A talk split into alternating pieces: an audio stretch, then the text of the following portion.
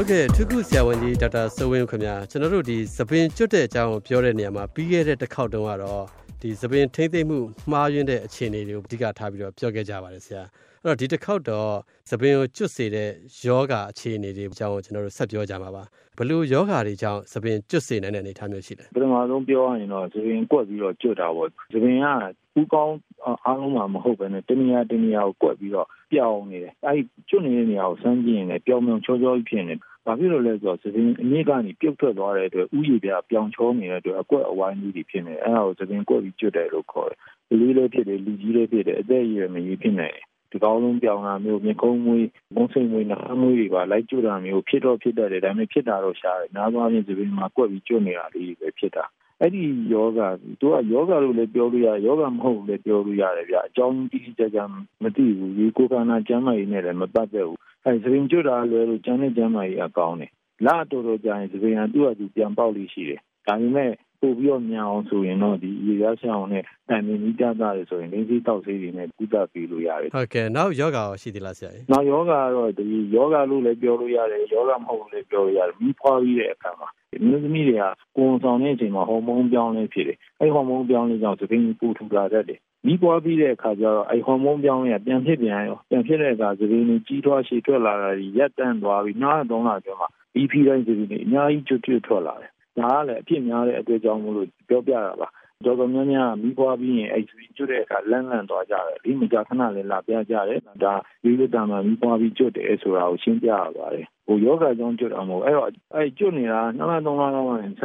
လ၅လ6လလောက်ထိဟိုကြားတတ်တယ်နောက်တော့မှတခါဟော်မုန်းပြန်ညှိသွားပြီးတော့ဒီနေ့တော့လူလူတဖြည်းဖြည်းပြန်ပေါက်လာတာများတယ်ဟုတ်ကဲ့ဆရာနောက်ကောယောဂါတွေရှိသေးလားဆရာနောက်တော့ရှိသေးတယ်ဗျာဥမာနေမကောင်းတဲ့အခါပေါ့နော်ကြီးကြီးကျယ်ကြီးမကောင်းတဲ့အခါအဖျားကြီးတဲ့အခါ ပိုးဝင်တဲ့အခါအဲ့လိုအချိန်တွေမှာဆိုရင်ကိုယ်ခန္ဓာမှာယောဂခုခံမှုစနစ်ဆိုတာရှိတယ်ဗျာကိုယ်ခန္ဓာအရင်နေမကောင်းဘူးဆိုရင်ကိုယ်ခန္ဓာကမလိုတဲ့အရာတွေသူကရပ်တန့်ပလိုက်တယ်အဲ့တော့သပင်းလိုအရင်ကြီးတဲ့ဟာတွေသူကရပ်တန့်ပလိုက်ရောကိုယ်ခန္ဓာအတွင်းမှန်ကိုပူစားပြီးပြီးတော့ပြုပြင်တာပေါ့နော်အဲ့ဒီခါတည်းကျရင်အကြီးကျယ်ဖြားပြီးတလားနှောင်းတဲ့မှာသပင်းတွေအများကြီးကျွတ်ကြလာတယ်အဲအဲ့ဒါလည်းအဲ့လိုပဲနေပြန်ကောင်းလာပြီးနောက်ပိုင်းဆိုရင်ကိုယ်ခန္ဓာသူ့အတူပြန်ပြီးပြုပြင်ပြီးတော့သပင်ပြန်ကောင်းသွားတဲ့ဥစ္စာမျိုးတွေရှိတယ် နောက်တစ်ခါ လေဘင်းမှာ thyroid အကျိတ်ဆိုတာရှိတယ်အဲ့လေဘင်းအကျိတ် thyroid ဟော်မုန်းများတာတို့နည်းတာတို့အဲ့လိုမျိုး thyroid ဟော်မုန်းနဲ့ပတ်သက်တဲ့ယောဂတွေကသပင်ကျွတ်စေတယ်တော်တော်များများလေးဖြစ်တယ်အဲ့တော့ thyroid ယောဂကိုပြန်ကုရင်ကုရင်နဲ့ဟော်မုန်းတွေပြန်ပြီးတည်ငြိမ်သွားတဲ့အခါမှာသပင်းနေလည်းပြန်ပေါက်လာတတ်တယ်ဟုတ်ကဲ့ဆရာရေနောက်ထပ်ရောရှိပါတယ်ဗျာ तू ကအစာရီကြောင့်လည်းဖြစ်နိုင်တယ်ဆေးဝါးတွေကြောင့်လည်းဖြစ်နိုင်တယ်ကုထုံးတွေကြောင့်လည်းဖြစ်နိုင်တယ်အစာဆိုတာကတော့ အာဟာရမပြေဝတာပေါ့ဗျာအစာထဲမှာပရိုတင်းဓာတ်ရမ်းနေတဲ့အခါဥမာဘေးကျိုစစ်ဘေးတို့အဲ့လိုအမက်ဘေးတို့ကြတဲ့အခါမှာစားတာအရင်မျိုးအသားဓာတ်ရမ်းနေတဲ့အခါမျိုးနောက်ဝိတ်ချတာအရင်များပြီးတော့ရှောင်းတာရမ်းများတဲ့အခါမှာပရိုတင်းရမ်းနေသွားတဲ့အခါမှာကုခန္ဓာကုခန္ဓာဆိုပရိုတင်းဓာတ်အမြဲတမ်းလိုတယ်လေအဲ့တော့သူကတခြားနေရာကိုဦးစားပေးတဲ့အတွက်သပင်ကိုကြီးတော့ဖို့ပရိုတင်းဓာတ်ကိုမပေးတော့ဘူးအဲ့လိုမျိုးဆိုရင်လပိုင်းအတွင်းမှာသပင်ကိုကျွတ်ထွက်လာတယ် ငယ်မြတ်တဲ့စာပူနည်းများတဲ့စာစားရင်တော့ပြန်ကောင်းလာတာမျိုးရှိတယ်နောက်ဆေးဝါးတွေကြောင့်သပင်ကျွတ်တာရှိတယ်တချို့ဆေးတွေကခဏတည်းကိုသပင်ကျွတ်တယ်လေဥပမာနှလုံးရောဂါဆေးတချို့ကောက်ရောဂါဆေးတချို့အစီအနှံ့ရောင်တဲ့ယောဂဆေးတချို့၊သွေးကြဆေးတချို့၊သွေးကြဆေးတချို့၊ စိတ်ကြဆေးတချို့၊ဗိုက်တာမင်သောက်ဆေးတချို့အဲ့ဒါတွေကလည်းသပင်ကျွတ်တတ်တယ်။အထူးသဖြင့်တခြားကြီးမားယောဂမရှိဘူးတောက်နေရတဲ့ဆေးတွေများတယ်။ဒါမှမဟုတ်လည်းဒီတလောမှာမှယောဂဖြစ်လို့ဒီဟာတောက်ရင်လည်းသပင်ကျွတ်လာတာတွေပါသတိထားမိတယ်ဆိုရင်ဒါဆေးဝါးကြောင့်လားဆိုပြီးတော့လည်းဆရာဝန်အနေနဲ့သတိထားရတဲ့ဥစ္စာပါ။နောက်တစ်ခါကုထုံးတွေကြောင့်လည်းသပင်ကျွတ်တတ်တယ်။ကင်ဆာကုထုံးတွေကင်ဆာတောက်ဆေးဒါလူတိုင်းသိပါတယ်ထိုးဆေးတွေပြီးတဲ့အခါမှာဒါမှမဟုတ်လည်းကင်ဆာတွေတိုင်းအောင်ကြီးသွားกินတဲ့အခါမှာသပင်းတွေပါလာတယ် နှစ်ပတ်သုံးပတ်အတွင်းမှာတချို့ဆိုတကောင်းလုံးပြောင်းသွားတယ်။ဘာဖြစ်လို့လဲဆိုတော့ကင်ဆာဆေးဆိုတာကအစမပြတ်ကြီးထွားနေတဲ့ cell တွေလိုက်တက်တာကိုအဲ့တော့ကြီးထွားမှုလည်းမြန်တယ်အစမပြတ်လည်းကြီးထွားနေတဲ့ကင်ဆာ cell တွေပဲကင်ဆာဆေးတွေတိုက်ခိုက်ပစ်လိုက်တယ်လို့ဒီအတွက်စူးကျိုးအနေနဲ့ကိုယ်ခန္ဓာမှာအဲ့လိုပဲအစမပြတ်ကြီးထွားနေတာသပင်းတွေရှိတာပေါ့အဲ့တော့သပင်းတွေကိုလည်းမှားပြီးတော့သူအကုန်လုံးရောပြီးတော့တိုက်ခိုက်ပလိုက်တာပဲရိုက်တော့သပင်းအမြင့်ကဆဲတွေပါတိုက်ခိုက်ခံရပြီးတော့သပင်းတွေကျွတ်ကုန်တာ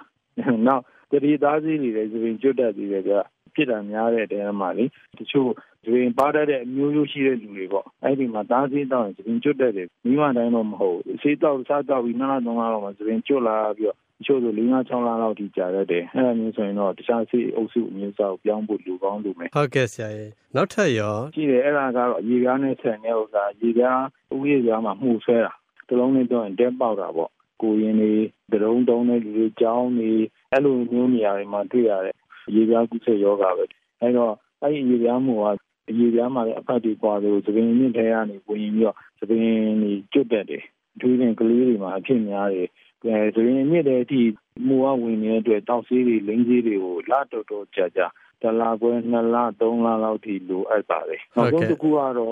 ယောဂအကြောင်းတော့မဟုတ်ဘူးဒါပေမဲ့အကျင့်လေးတွေ ကလေးလူကြီးတချို့ကအကြောင်းမရှိဘဲနဲ့သပင်းကိုဆွဲနေတာမျိုးလိမ်နေတာမျိုးရှိတယ်မကောင်းတဲ့အကျင့်စိုးတစ်ခုပါစိတ်ဖိစီးမှုတို့စိတ်ရဲ့တုံ့ပြန်မှုတို့အနေနဲ့လည်းဖြစ်နိုင်တယ်အဲ့ဒါဆိုရင်သပင်ကတောင်းသွားပြီးဆွဲနေတော့သူ့ကိုတစ်ချိန်လုံးအနှောက်အယှက်ပေးနေတယ်လို့ဖြစ်တဲ့အခါကျတော့သပင်ကြီးကောင်းမှုအနှောက်အယှက်ဖြစ်ပြီးသပင်ကျွတ်စီတတ်တယ်ဟုတ်ကဲ့အခုလိုဒီသပင်ကျွတ်တာနဲ့ပတ်သက်ပြီးတော့နောက်ဆုံးဆရာဘယ်လိုအကြံပေးခြင်းသေးလဲပြောခဲ့သလိုပဲသပင်ကျွတ်စီတဲ့အကြောင်းရင်းနဲ့အများကြီးပဲဗျဟိုသပင်သားလေးနဲ့သပင်လေး TV တွေမှာအမြဲကြုံရနေသလို ဘာပဲဖြစ်ဖြစ်သပင်ကျွတ်ရင်ဒီဆေးလိမ့်ဆိုပြီးတော့တခုတည်းနဲ့အကုန်လုံးကိုကောင်းစေတဲ့ကုထုံးဆိုတာတော့မရှိဘူးသပင်ဖိတာအပင်ထုံးတာမှလို့သပင်ကျွတ်နေတဲ့လူကိုသပင်ထုံးတာကိုမပြုတ်ပြင်မဲ့နဲ့ဒီသပင်တန်တဲ့ဆေးလိမ့်ဆိုပြီးတော့သွားလုပ်တယ်ဆိုရင်ဗရာသာတန်တန်ဖြစ်နေမှာပေါ့ဒါကြောင့်မို့လို့သပင်ကျွတ်တာများတယ်ကိုယ့်အကူရှောက်လို့မြင်မဲ့အစားတက်ကြောင်းတဲ့လူနဲ့တိုင်ပင်ဆွေးနွေးပြီးတော့ ကုသတဲ့ဥစ္စာလားပြုပြင်ခြင်းတဲ့ဥစ္စာလားအချိန်တိုင်းကောင်းလာမဲ့ဥစ္စာလားဆိုတာရှာဖွေပြီးတော့